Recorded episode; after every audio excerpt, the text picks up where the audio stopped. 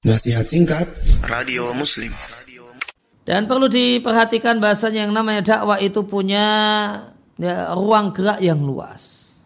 Ya, jangan bayangkan dakwah itu adalah naik hanya naik ke podium, ya, kemudian ceramah. Ya. Apalagi di zaman medsos saat ini, semua orang punya podium, ya. semua orang punya mimbar. Dan inilah yang bikin uh, ya, yang selalu bikin kegunaan kegaduhan sosial.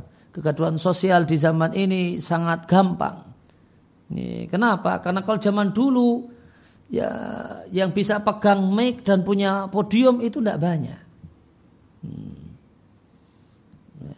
Ya, sekarang di zaman medsos ini semua orang, semua kepala punya mic dan punya podium.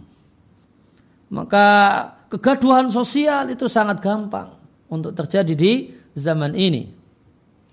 Maka jangan bayangkan bahasanya uh, dakwah itu hanya naik ke podium dan ya, ceramah di atas podium.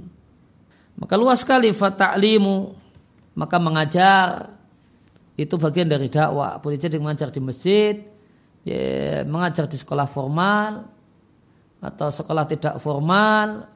Ya, sekolah tidak formal tersebut boleh jadi uh, ya, kuliah online atau kuliah offline ya, yang namanya kemudian sekolah kemudian tidak formal yang offline itu boleh jadi namanya TPA namanya ma'had ini dan itu namanya boleh jadi sekolah ibu, sekolah calon ibu, sekolah ayah atau yang lainnya. Wa irsyadul asi. Dan membimbing orang yang ya, melakukan maksiat, dialog dari hati ke hati, menggandengnya untuk meninggalkan maksiat, tambil ghafil,